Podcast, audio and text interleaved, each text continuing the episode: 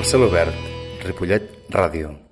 El cel obert. Un trosset de carrer per a veïns i veïnes de Ripollet. De Ripollet, de Ripollet, de Ripollet, de Ripollet, de Ripollet, de Ripollet, de Ripollet. Benvinguts i benvingudes una vegada més al Cel Obert, un espai de Ripollet Ràdio fet des de l'oficina de mediació. Now I'm trying to get back. Si ens esteu escoltant i heu de marxar, feu-lo, no patiu. Ja sabeu que podeu visitar la web www.ripolletradio.cat i sentir o descarregar-vos el podcast d'aquest i altres programes sense cap tipus de problema. Avui canviem de tècnic i agraïm l'ajuda de l'Ivan, els comandaments tècnics i us saluda com sempre un servidor, el Pablo Peralta. Agraïm-vos que torneu a ser-hi. Avui, com sempre, segur que ho podem fer millor, però més segur encara que no us empenedireu si us quedeu. Comencem. Cel obert, un trocito de calle para los vecinos y vecinas de Ripollet. I got on the phone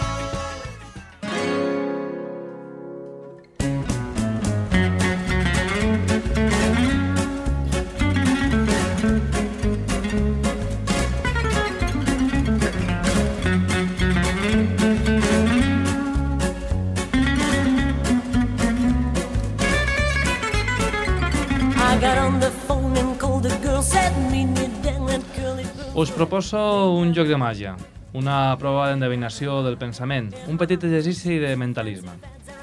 Penseu en una persona reconeguda per la seva carrera professional. Penseu en una persona que es dediqui a la política. Penseu en una persona que triomfe al món de l'esport. Penseu en una persona que sigui un model a seguir per vosaltres. Ho teniu? No cal paraules màgiques i certament no tinc ni idea del que heu pensat, però podria apostar, i no caldrà fer gaires trucs, a que gairebé cap de les respostes tenen a veure amb una dona, oi? Maternizando lo patriarcado. Dale, dale, dásela. Dásela. Loba.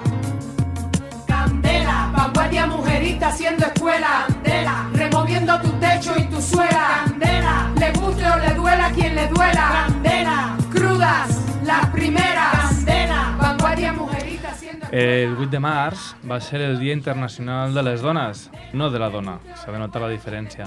I no va ser un dia per celebrar, sinó per commemorar, que és semblant però no és el mateix. Uh, no pot ser un dia ni per felicitar ni per regalar. Por el viento aquí, reina conocimiento completa. Una vez mística, otra vez perreta. Si me faltan, me pongo sojeta. El 8 de març va ser un dia on es recorda que 140 dones van perdre la vida a un incendi a una factoria de Nova York. Aquest incendi va col·locar sobre l'agenda internacional els drets de les dones treballadores. Cultura. Pero aquí también me quema una realidad muy dura, injusta y constantemente somos Llavors, aquest és un dia per reflexionar sobre com hem avançat en la condició i posició de les dones i just això és el que farem avui, com sempre amb unes convidades i un convidat eh, immillorable.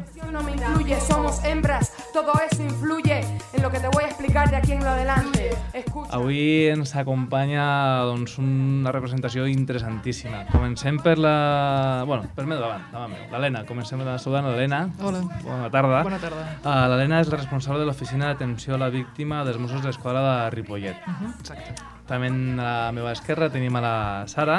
Bona tarda, Sara. Bona tarda. Sara és la representant de l'associació Balafont, una associació de dones cameruneses d'aquí de De Ripollet. Sí. Mhm. Aquí a la meva esquerra i a just pegat tenim a la Merche i a la Clara. Bona tarda. Bona tarda. que són les companyes del Departament d'Igualtat també de l'Ajuntament de Ripollet i just davant meu tenim a l'Antonio, el responsable de Recursos Humans també de l'Ajuntament. Bona tarda. Bona tarda. Existe la obesidad, como existe lo claro, existe la oscuridad, como existe lo masculino, existe la femenidad, y como existe lo heterosexual, existe la homosexualidad. Todas y todos tenemos derecho a la libertad. Escucha, cada quien se está quemando con virtudes, con defectos. Todo el mundo está en candela, ni perfectas, ni perfectos. Todo el mundo está en candela, candela.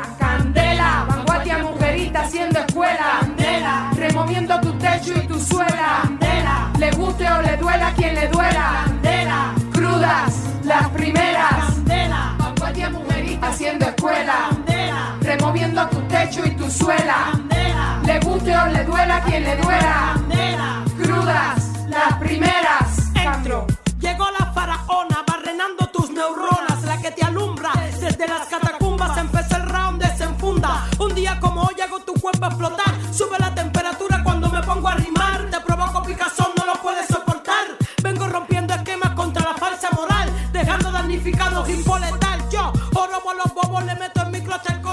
Bé, sentim a...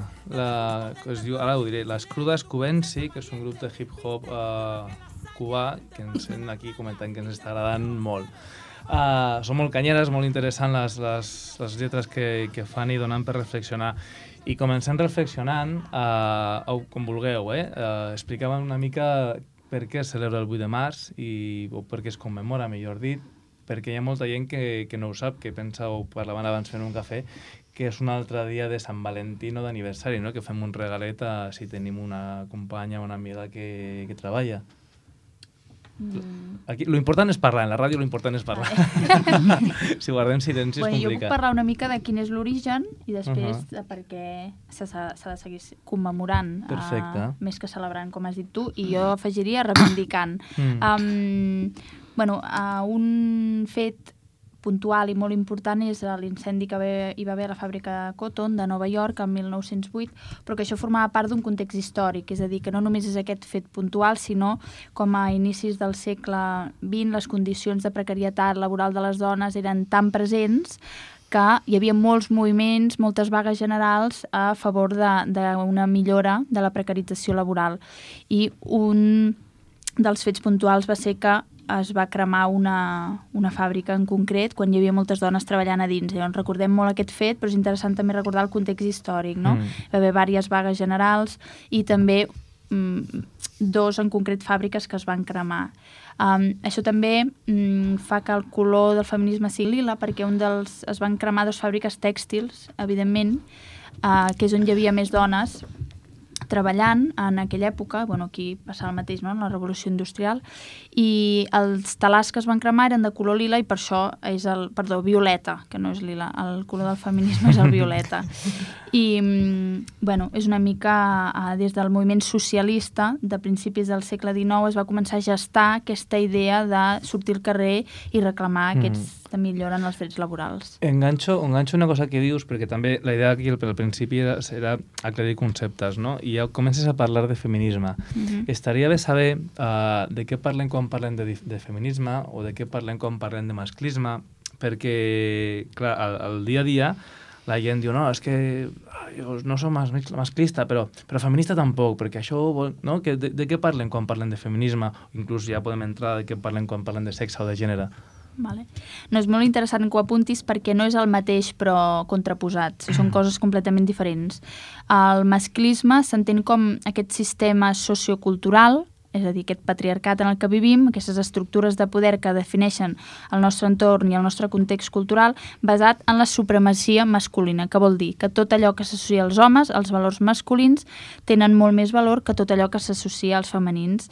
Uh, per tant, el masclisme és aquesta relació de poder de l'home sobre la dona, dels homes sobre les dones, d'acord? És aquesta idea estàtica en la que vivim, el context social i cultural, uh -huh. s'entén, no?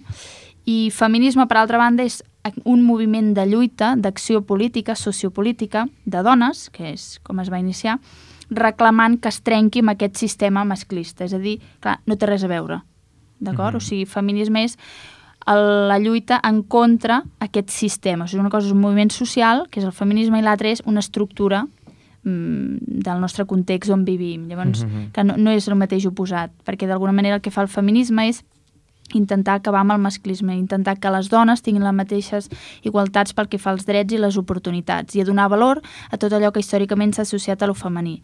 D'acord? O sigui, trencar amb aquesta dicotomia, trencar amb aquest sistema de supremacia masculina que el masclisme Mhm. eh, es dedica a mantenir i a potenciar com a estructura de Mhm. poder.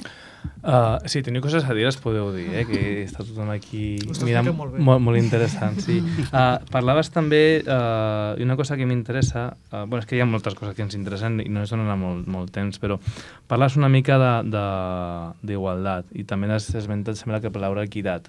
Uh, vosaltres sou de, de la regidoria de- d'Igualtat eh, i és un tema que, que surt també l'Antonio, que està aquí també per parlar del pla d'igualtat. Uh, mm, però el que jo no sé uh, si estem, bueno, com altres paraules, potser estem equivocant-nos una mica en la paraula igualtat. I no, no sé si seria més correcte dir perquè hi ha una corrent d'estudis aquests de, de, de gènere i de feminisme que parla més uh, de l'equitat, no? Mm -hmm. perquè realment hi ha una vessant de que no, no es vol ser igual, no? afortunadament no som iguals i som diferents, i això es fa molt, molt divertit tota la vida, si no seria un més rotllo, i no sé si pots aclarir-ho o voleu aclarir-ho d'alguna manera... Mm, vale. Uh, jo crec que és interessant parlar d'igualtat, però no pot anar sola aquesta paraula. Regidoria de Polítiques d'Igualtat, però hauria d'anar acompanyada d'una mica més, no? Quan ens referim a igualtat, parlem d'igualtat de dret i d'oportunitats, i això és molt important. Però sí que estic d'acord en que el concepte d'equitat és el més idoni. Tot i que entenc que s'utilitza igualtat perquè és més popular, perquè Clar, la és es coneix fàcil. més i perquè tampoc podem estar aquí en conceptes tan teòrics i universitaris perquè en el fons el que hem d'aconseguir no? és que la gent s'assumi amb la igualtat o equitat, no? Uh, però equitat és més interessant en el sentit de que l'equitat fa referència a un repartiment just, no? És a dir, si tenim uh, quatre coses, en donem dos i dos. Bueno, depèn. Depèn del que tingui, a qui li donem, no? Mhm. Llavors, una mica... Quan es parla d'igualtat sempre es diu igualtat de gènere, és a dir, perquè no hi hagi desigualtat en els rols que assignem a uns i altres, o igualtat d'oportunitats o igualtat dona-home. Sí, clar, és molt més interessant equitat perquè seria un repartiment just d'aquests rols, no? Tenim uns... Un, això obro la pregunta, eh? Tenim uns rols repartits eh, equitativament o igualitàriament?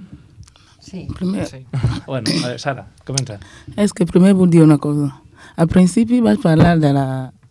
que, que no és un dia per regalar, no? Per regalar, és un dia... Sí que és un dia una mica trist quan pensem en aquesta dona que han donat la seva vida per nosaltres, no? Per l'altra dona. Però soc una africana. La, la, la dona africana té uh, altra visió. Sí, que sempre quan comença... Eh, eh, eh, el 8 de març és un dia de commemora- commemoració, de celebració. Pa, para la, la dona africana és primer un dia de, de celebració. Parce que aquest dret, sí que al començar pot deixar eh, 10 minuts no? de, pensant, uh, uh, de, de, 10 minuts de, de, de silenci, no? Mhm. pensant ah, De aquesta dona que va reflexió. morir. Mm. Però per ella és més un dia de festa. Perquè la prova dona té nada, n- només un dia li- lliure, un dia que, que el seu marit pot entrar a la cuina, un dia que ella pot anar a la, uh, es, pot sortir lliurement amb, amb la, la seva ami, am, amiga. I jo crec que i, i, aquest dia necessita un regal del seu marit. I com sabeu, no? sempre el marit, no? La, la cada dona ha de, rece- eh, ha, de, Ha de eh, rebre. Sí, ha de rebre un, un regal d'un home. Si, si, la, si la dona no, uh, no té marit, el seu, el seu amic, el seu germà, i un marit a, a la seva dona ha de regalar un vestit, un, que coneixer que Mhm. cada any hi ha un vestit per a la dona, no? Pues és, És, que sí, és legal. és interessant, no? Perquè Sí. també cada, cada, la- la percepció Sí, dels sí. diferents àmbits culturals de, de, de Sí. com és la celebració, la commemoració, no? Sí, o com és sí. importància. I com és el seu dia que és llibre, que el govern ja sap que la, la dona pot deixar d'entrar a la cuina, la dona pot anar al bar a tomar un cafè sol, amb, amb la seva amiga, ha, ha de celebrar. I no parlaré més, no? Però parlant de la igualtat, per nosaltres és una mica un somni, no? Mhm. Ja que eh, eh, le, el 56% de la població africana representa les dones. Pero cuando eh, y su, eh, su, repre- su representatividad es muy poca en la sociedad. Por ejemplo, el caso de Camerún, ya, ya, ya 22 ministras, ya no me dos, dos donas. sí. Y demandar a pala de la igualdad es un, es un somnio, no es por. ¿Qué demanda? Una oportunidad, ¿no? Participar también, también en la evolución de la sociedad. Volem también eh, plaza, ¿no? Yo en la sociedad. Lluitar, lluitar eh, para no, la nostra reivindicació. Aquí és, és curiós, bueno, també par- parlaven abans amb l'Helena, Mm. que per exemple eh, ella on treballa, en els Mossos d'Esquadra, que és un cos eh, molt feminitzat per lo que és costum els cossos de seguretat, no? Explica... Sí, és, és a nivell europeu, penso que és dels cossos amb més presència femenina al, al cos, tant a nivells bàsics com a nivells de comandaments. Mhm. No sabria dir-te la quantitat de, la diferència amb altres cossos policials, però sí que la, rellevància de, de les dones Mm. al cos és important. I, i, i es nota? Es nota el es dia a dia, vols el dir? dia a dia? Aquest, que estem en una estructura d'alguna manera doncs, uh, que té doncs, uh, aquest, aquest paper doncs, que se l'assigna molt a l'home, no? de, de, de, del poder, de l'autoritat, fins i tot de l'ús legítim de, de, de la violència en un context on hi ha molts homes, el paper de la dona noteu en aquestes estructures com bueno, aquesta sensació, no? A veure, és un cos jerarquitzat i és un cos, el que deies, no? que fa l'ús legítim de la força i, i tenim una estructura molt marcada i una forma d'actuar que ve marcada per, per, Mhm, per llei, sí, per sí. llei i per la raó de ser del, del cos. Cos. No?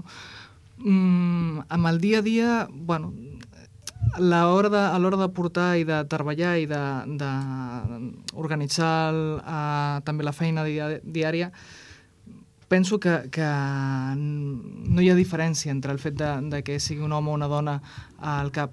Potser té, té eh, més rellevància a l'hora de, de com s'apropa o de com, com marca les polítiques una mica més, més amb, amb petit espai. Però clar, això ja depèn de la persona i ja depèn de, de com s'organitzi. Sí, Venim sí. molt marcats des de, des de la regió, des de tot el cos, com perquè en llocs més petits pugui diferenciar-se o pugui, pugui ser diferent la forma d'actuar.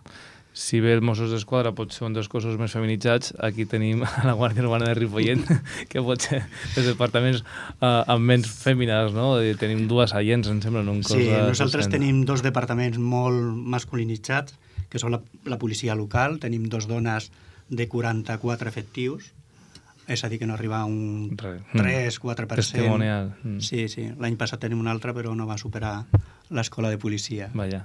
Eh, I després tenim un altre col·lectiu molt, molt masculinitzat, que és la Brigada Municipal d'Obres, que no tenim cap dona. O sigui, són Mhm. 25 efectius només homes. No?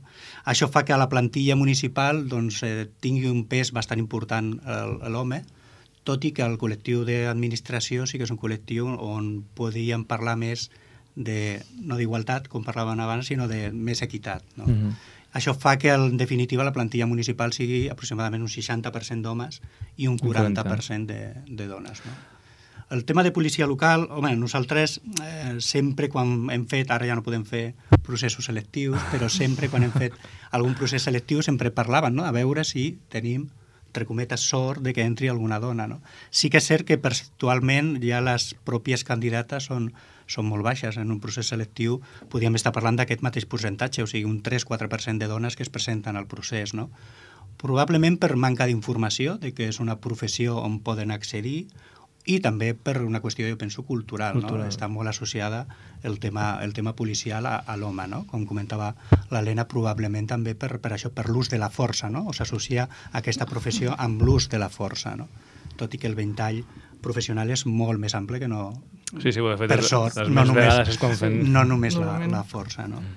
I aquesta seria una qüestió, no?, de per què no, no aconseguim que més dones s'interessin per una professió, o si és necessari que fer que més dones eh, s'interessin per, a, per a aquesta professió. No?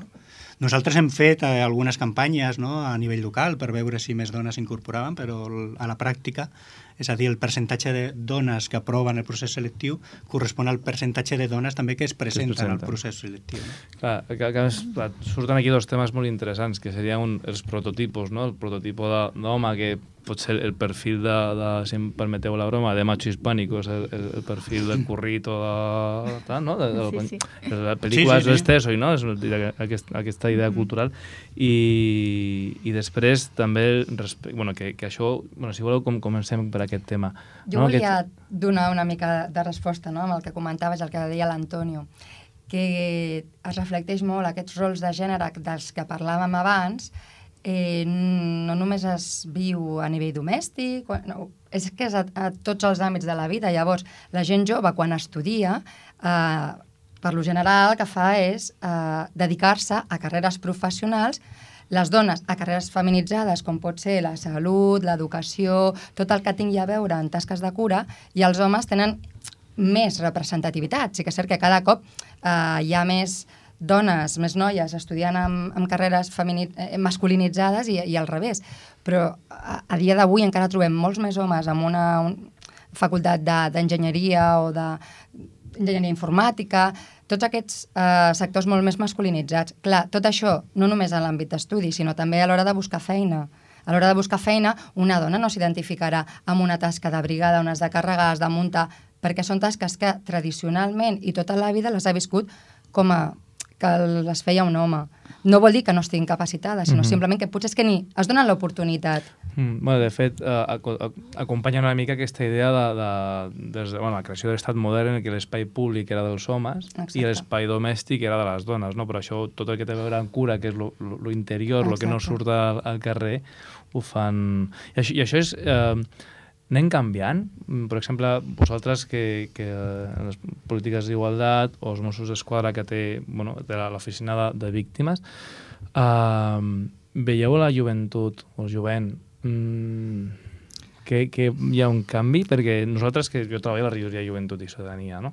I, mm, i de vegades sobtes quan vas als centres escolars i dius, carai, uh, jo creia que això estava superat ja, no? I no. No, no, no ho I està. no, no és, és aquí Mira, hi ha consens. Penso que, que el, el, els conceptes de masclisme eh, ja no és només un concepte, com deia abans la Clara, és una forma d'entendre, de viure. Llavors, això no s'ha canviat. Continuen a haver rols eh, d'home i de dona molt marcats i que els comencem a a tenir des de molt petits, no? des de eh, les joguines que regalem a un nen petit, des de com juguen, què es pot fer, quins eh, jocs o quins esports poden fer els nens petits, i tot això va creixent, i això eh, et va, et va d'una forma eh, donant les eines amb les que els nens es van defensant a la vida i van escollint. Mm -hmm. I això, aquests rols es van marcant a l'hora de, de relacionar-se amb els companys de, de classe, a l'hora de, de començar a tenir noviets i novietes, aquestes relacions, tots aquells rols estan allà i, i com els tenen tan interioritzats perquè és el que sempre han viscut, tot això va sortint. I sí que hi ha potser algun petit canvi, però encara són petits. Jo des de sempre eh, he sentit mm, amb tot el moviment feminista de parlar de que no, els homes a casa també han de, han de a, no ajudar perquè no han d'ajudar, No sinó han de fer, no? Han de, han de fer perquè la casa és cosa El dels dos, no? 50%, sí. I molts pares a casa avui dia mm, no fan, molts sí, però molts tenen el concepte de no, jo ajudo a casa.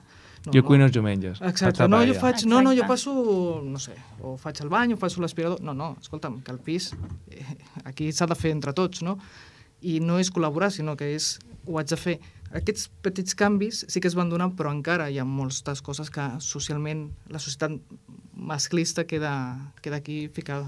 Mm, Antonio. Sí, un tema important que, que apuntava l'Helena, penso, és precisament el, el, els nens petits, no? els nens i les nenes, com a la pròpia escola també es diferencien a l'hora de jugar. No? Jo com a pare he vist aquesta diferenciació i que no m'agrada. No? O sigui, a l'hora del pati, no només el, eh, l'hora de jugar dintre, de, dintre del propi aula, que també es fa una diferenciació, jo penso que es continua fent una diferenciació a l'hora de, de jugar, a l'hora de fer algunes activitats, però a l'hora del pati a mi em sorprèn molt que els nens estiguin jugant encara a pilota, com quan jo anava al col·legi, i les nenes juguen a uns altres jocs. No? La meva filla li agrada el futbol i és la rara de la classe, no? perquè juga amb els nens a futbol Mhm. un dia i un altre dia juga amb les seves amigues a un altre joc. No? O sigui, aquest rol continua molt interioritzat inclús en, en aquestes edats. O sigui, que en, en l'àmbit educatiu jo penso que s'ha de fer molt, no només en l'àmbit educatiu, sinó el familiar. Perquè si no, tu, tu pots fer un esforç eh, molt important en l'àmbit familiar, però contra. després quan arriben a l'escola acaben adoptant aquest rol. No? I el Oh. meu fill no l'he incentivat a jugar a futbol i està jugant en un equip de futbol, però no perquè jo li hagi incentivat, sinó perquè bueno, li ha agradat el futbol perquè culturalment ha jugat a futbol amb els seus amics. No?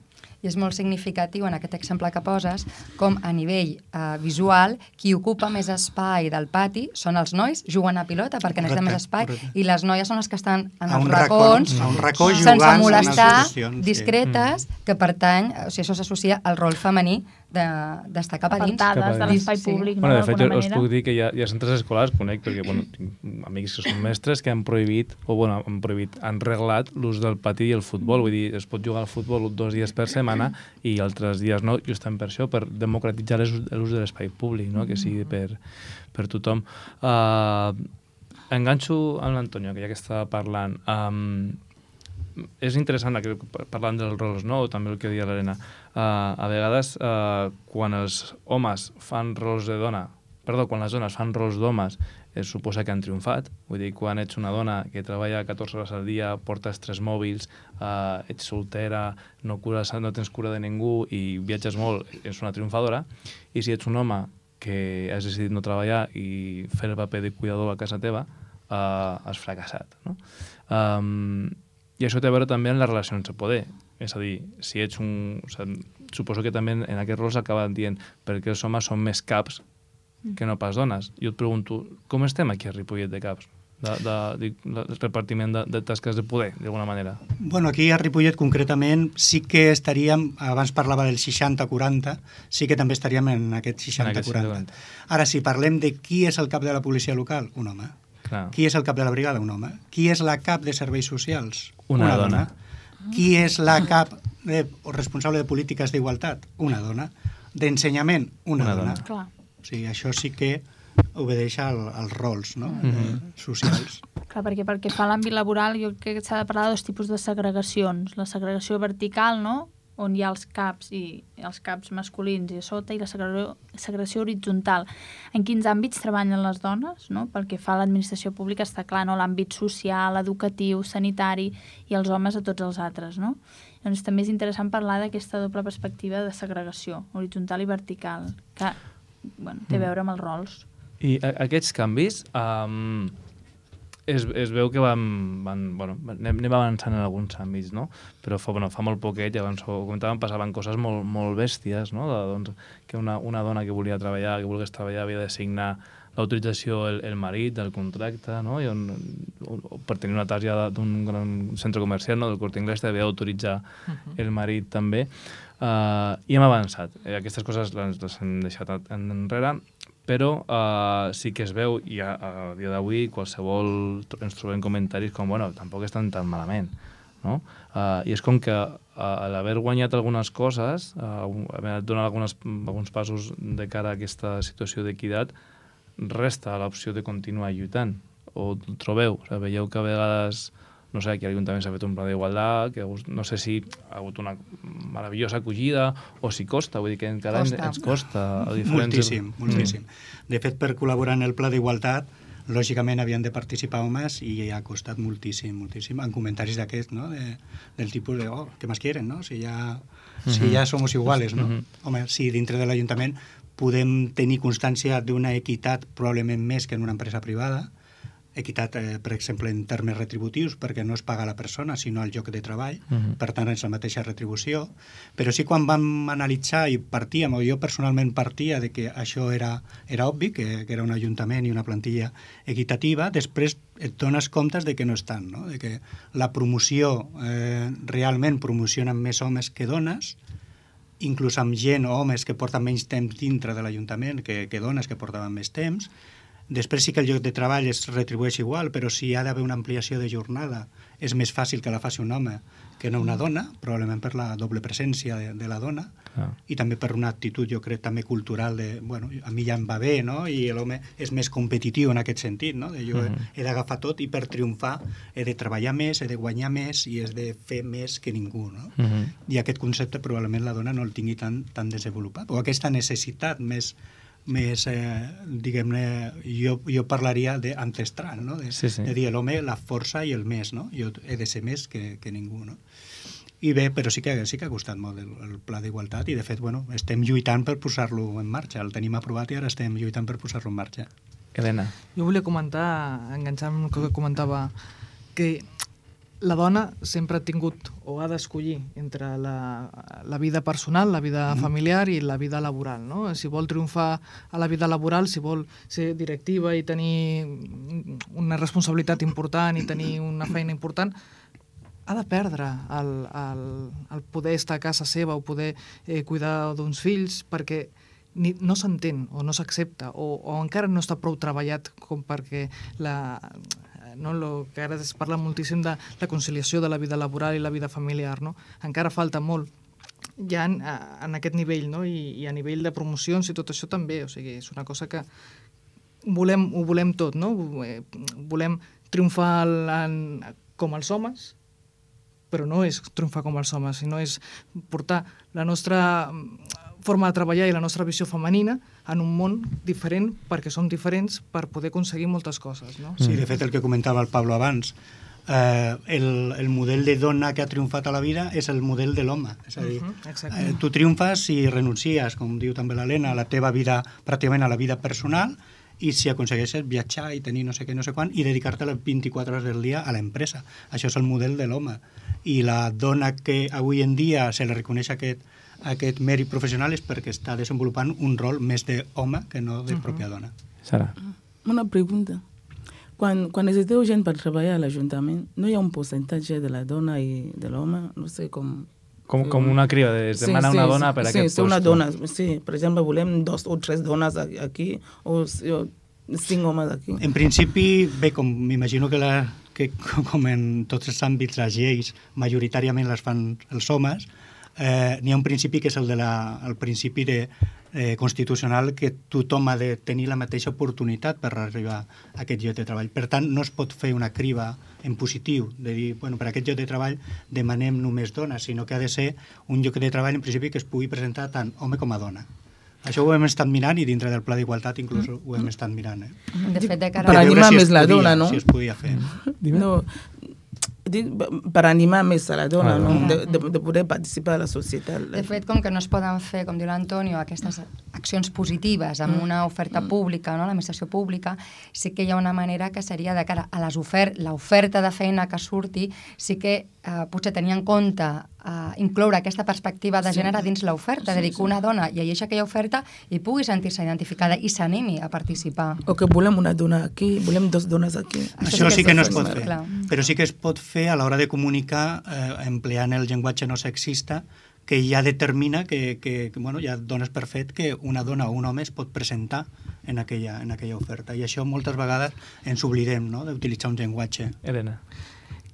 Parlant d'això, el, el cos de Mossos d'Esquadra es fa una, una publicitat específica per dones, no? adreçada a que mm, les dones vegin aquella publicitat i es vulguin presentar les oposicions. Després el procés ja és obert, homes o dones, però la publicitat, la- l'arribar a que les dones s'assabentin que hi ha una promoció del cos i que es poden presentar i que es pot conciliar la vida familiar i, i laboral, doncs ja sí que una publicitat específica.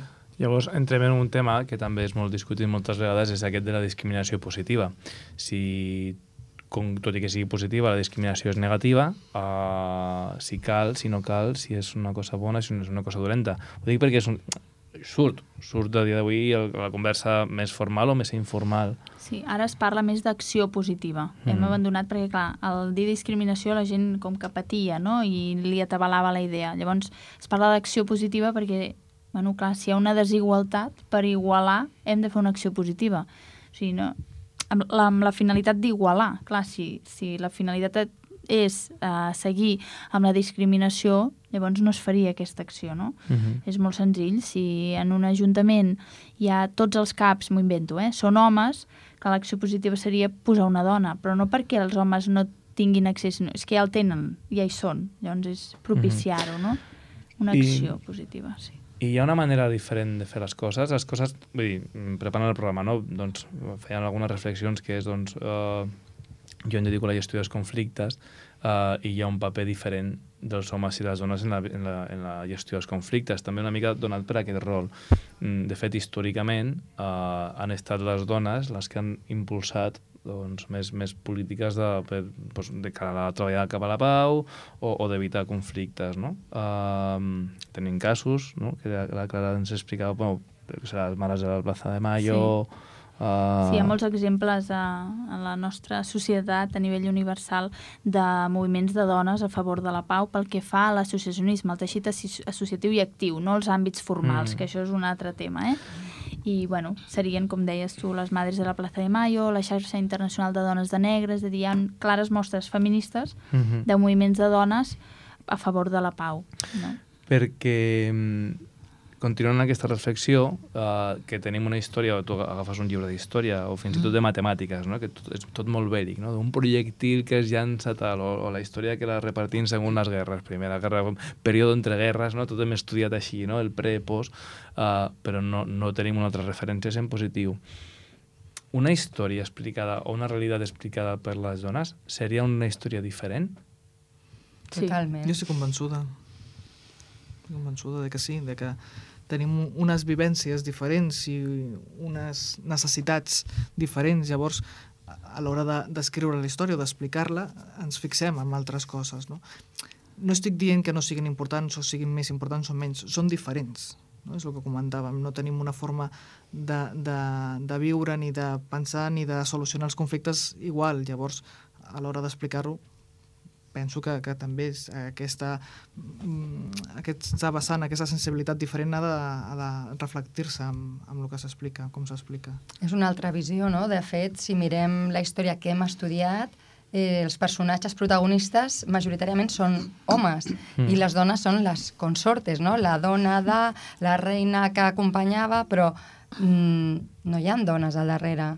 I aquí Mm. m'agradaria um, fer, bueno, posar un exemple no? d'una historiadora catalana, l'Assumpta Montellà, que va fer, bueno, en les seves investigacions de l'exili, no? que sempre s'ha viscut que quan parlem de l'exili ens veiem els homes, no? creuant la frontera, van anar moltes dones, i gràcies a, bueno, amb aquesta investigació va sortir la història de la Eidenberg, que va crear la maternitat d'Elna, Mm. i gràcies a ella va, Mhm. va poder salvar moltes vides, molts, molts nens i nenes. Mm. És una història maca, és un exemple no? de com es pot veure, ens poden ensenyar un altre tipus d'història. Sí, de fet, mira, no fa, no fa gaire l'Alberto Castro, que fa un programa en aquesta casa, en ripollradio.cat, el 91.3 FM, aprofito per explicar-ho, va entrevistar a Fernando Hernández, que és un historiador que està fent una, bueno, un recurs sobre la repressió franquista a les dones, doncs, i, i explicant la història, ha fet una web, que és presodelascos.org, que explica els testimonis de, doncs, de, les, de les dones que van patir aquesta, aquesta situació, no? o altra també de la prisió de, de, la prisió de ventes, doncs explica una realitat que no, que no és coneguda, no? de fet. No? Exacte.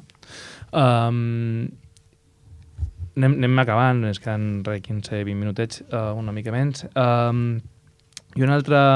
Bueno, en lloc d'enxegar una altra història, anem, anem a, a, a ser més específics. No? Eh, Tenim aquí doncs, uh, polítiques d'igualtat, uh, l'oficina d'atenció a la víctima, Uh, I malauradament, doncs, a data d'avui, que estem, a, estem al mes de març, eh, portem vuit dones uh, doncs, que han... Digue-la, Sara. Pues, le quería demanar si, las, si hay faldas para las donas mozas de escuadra. Sí, Si hay faldillas. Si hay faldillas. Ah, eh, si l'uniforme Sí, canvia. sí, sí, que sí. Si la dona pot elegir, no? No, al principi... et Parlo, al cos de Mossos d'Esquadra penso que no, però si no recordo malament, Guàrdia Civil, a sí, la no? Guàrdia Civil o al cos de, de la Guàrdia Urbana de Barcelona, els, Trajes de bonito, que diuen, no? Sí, exacte. No La, sé, ara. les poques dones que, que van començar al, al cos portaven Mm. faldilla i devia ser molt incòmode treballar amb faldilla. Sí, i van canviar. I van canviar, sí. Per Van, obligació. Sí, per, per, per seguretat i per comoditat. La faldilla eh, és un element eh, femení, és, un, és una prenda de vestir femenina i Però està limita molt el bé. moviment, eh? Clar, però a l'hora de treballar i treballar amb seguretat, que és el que nosaltres en movem, seguretat cap a nosaltres i cap a la resta de ciutadans, eh, una faldilla és molt incòmoda, perquè no tens la mateixa capacitat de moviment i... Recupero una mica jo. De, deia que, que uh, doncs, a, a- ara, al mes de març, portem ja vuit dones a l'estat espanyol que han, que han, que han mort uh Mhm. -huh. de, de, o dels seus marits o de les seves uh, parelles o exparelles. Uh, tu atens a Ripollet, és l'oficina d'atenció a, la, a la víctima, que és, bueno, un, engloba més, més, més víctimes, únicament dones, però en, aquest, en el cas de dones, um, com estem a Ripollet en, en aquesta situació de violència envers les dones? Mira, la mitja és més o menys igual a, a tot arreu. Vale? En, en, en termes concrets, eh, de mm, número de víctimes i tot això, no, no, no Bueno, ho sé, no t'ho no puc cal, dir. eh? Però el, no és que hi hagi més o n'hi hagi més. Hi ha, hi ha moltes i de les que nosaltres tenim coneixement Que no una són petit- totes. No, són una petita part. Exacte. Hi ha moltes, en aquest cas parlant de la violència de gènere, hi ha moltes dones que encara estan en, en procés per, bueno, per donar el pas a l'hora d'enfrontar-se amb aquesta situació que estan vivint, tant siguin doncs, adreçant-se al Servei d'Informació i Assessorament de la Política d'Igualtat o amb altres serveis que les puguin ajudar a, a recuperar-se mínimament per poder-se enfrontar amb aquesta situació. -huh. vale?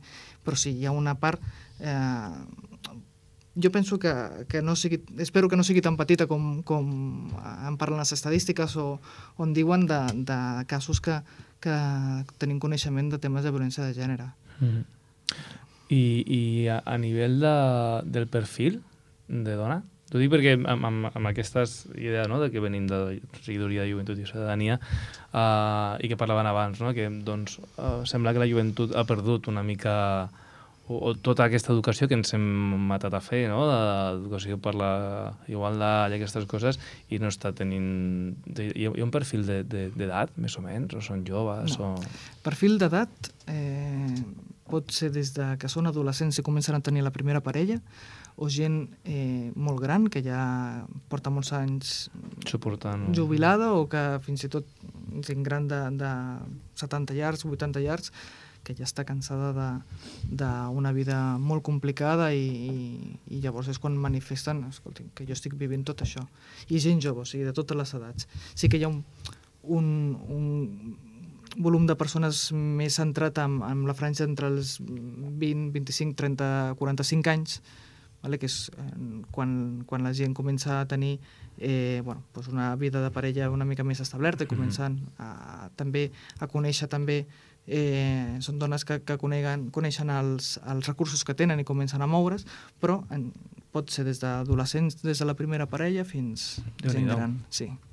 És molt interessant això que portes perquè bueno, és, és important destacar que la violència masclista no hi entén ni d'edat, ni d'ètnia, ni de classe social. No, no, és dir, que està per sobre de tot. Eh? O sigui, forma part de les bases, de l'origen, de, de, mm. de la manera en què estructurem el sistema, no? perquè a vegades estigmatitzem certs col·lectius com a més agressors o com a més víctimes i, i és molt important això, parlar d'heterogeneïtat, que és, és una qüestió que està per sí. sobre d'aquests... És això, no entén ni de classe social, ni de recursos econòmics, ni de res, o sigui, és, es, dona, es dona per si. Sí que pot ser que, que alguna persona tingui eh, més, sigui més propensa a la violència, però, però no té res a veure amb, amb el seu estatus mm. socioeconòmic. Mm. I que, dic, de fet, eh, les dones que es poden trobar en una millor posició social, amb un, amb un perfil que teòricament no és l'estigmatitzat, no és, no és el, el que té la gent en el seu imaginari, eh, potser passen pitjor, perquè que aquesta dona s'adreci amb, un,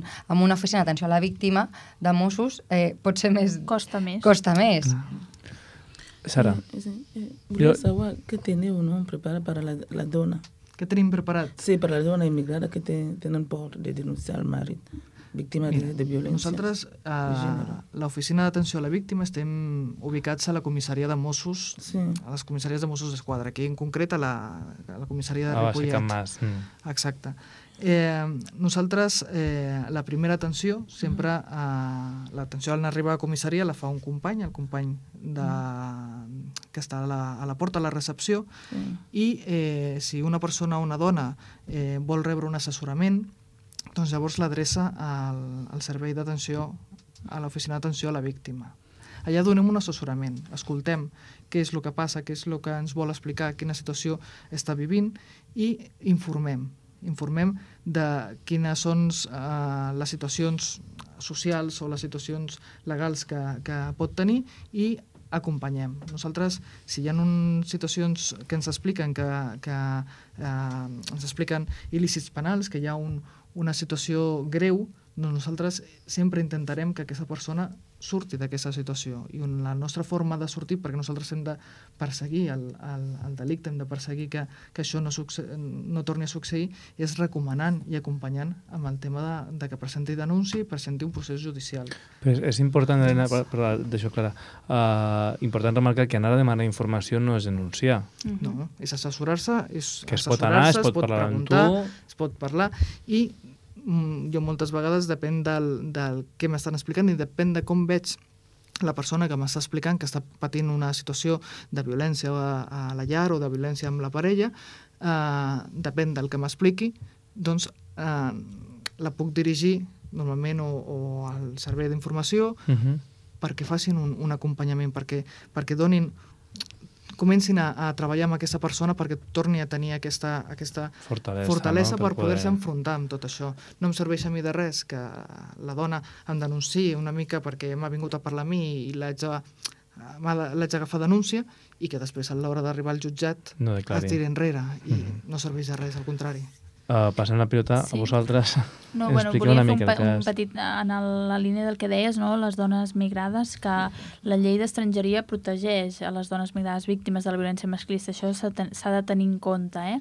sobretot en el marc del reagrupament familiar, Sí. que, és, Mm. que és una certa dependència del marit, en cas que sigui l'home que reagrupa la dona o la filla, um, està, o sigui, està, no, no s'expulsa del país eh? pel fet de, des, de trencar el vincle de la reagrupació i això crec que sí que s'ha de fer sensibilització en aquesta línia i recordar-ho. Bueno, pel que fa a la, al servei d'assessorament en matèria d'estrangeria, tot això es té molt en compte i és imprescindible recordar. Eh? Vull dir que no hem Sí. de deixar de... no hem de negar la problemàtica pel fet d'estar en una situació d'irregularització o de debilitat a Exacte. nivell legal. Eh? I respecte al servei que doneu, si una persona es vol Sí. adreçar i mira, tinc una situació que no estic de tot a Mm. gust... Sí, això, seguint amb el que deia l'Helena, el Servei d'Informació i Atenció a les Dones, que s'ubica aquí al Centre Cultural, eh, és un servei que el que ofereix és precisament això, un acompanyament a nivell més psicològic per reforçar eh, i empoderar a les dones en aquest procés que, que estan a punt d'afrontar. No? Normalment Mhm. arriben, no, quan hi ha hagut ja una agressió física, eh, prèviament hi ha hagut tot un, un seguit de- d'agressions psicològiques. Mhm. Llavors una dona pot sentir molta inseguretat, molta por, i realment eh, fer front a un procés eh, judicial, policial, és dur, és molt dur i necessiten estar fortes per això. Per tant, és important aquest, eh, aquest acompanyament, aquest enfortiment. També, bueno, cal recordar que hi ha un telèfon que és el 016, 0, 016, 016 no? que, que no deixa rastrar ni tan siquiera la factura i es pot trucar, és gratis i... Uh Mhm. -huh. Ens queden, res, eh, 5 minutets, jo vull posar un tema de música i us vull donar, abans d'acomiadar-me, doncs, una paraula, si voleu dir alguna cosa abans, si voleu fer alguna cosa, abans d'agrair-vos enormement que heu estat aquí, aquí aquesta estoneta. Sí, Sara, sense, sense acabar. Passa molt ràpid, no?, que pensava, sí. ostres, i ens hem deixat un munt de, de temes per, per tractar. Uh, no voleu fer res? Pues res. Bueno. sí. Tots a la vegada. Moltes, no? moltes coses a fer, Sí. encara Sí. molta feina.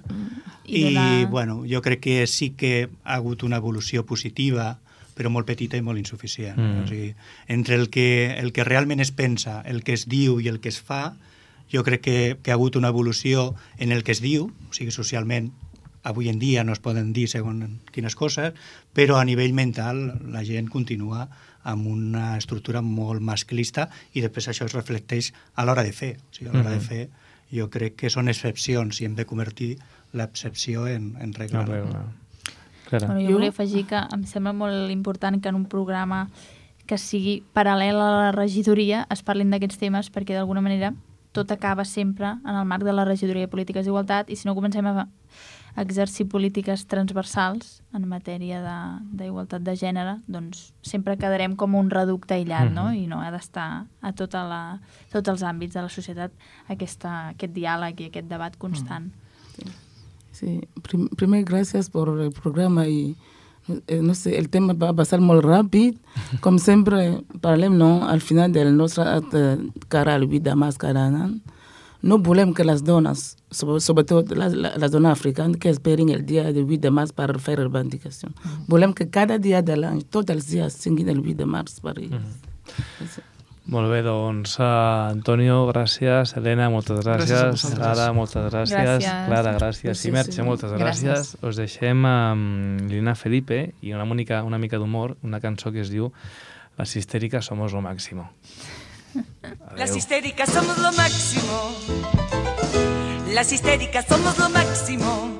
Extraviadas, boyeristas, seductoras, compulsivas, finas divas arrojadas al diván de Freud y de Lacan. Ay, Segismundo, cuánta vanidad, infantiloide y malsano, el orgasmo clitoriano. Ay, Segismundo, cuánta vaginalidad, el orgasmo clitoriano se te escapa de la mano. Ay, Segismundo, de tan macho ya no encaja, no me digas que el placer es pura paja. Por lo demás correspondo a tus teorías, estoy llena de manías, sueños, fobias y obsesiones. Solo tu envidia del pene y el diván de tus eunucos administra mis pulsiones compulsivas. Cómo me duele este mundo, Segismundo, la parálisis, la envidia, la neurosis nos gobierna. Cómo me duelen los pobres, cómo joden la miseria. Ahora sí que lo de menos es la histeria. Las histéricas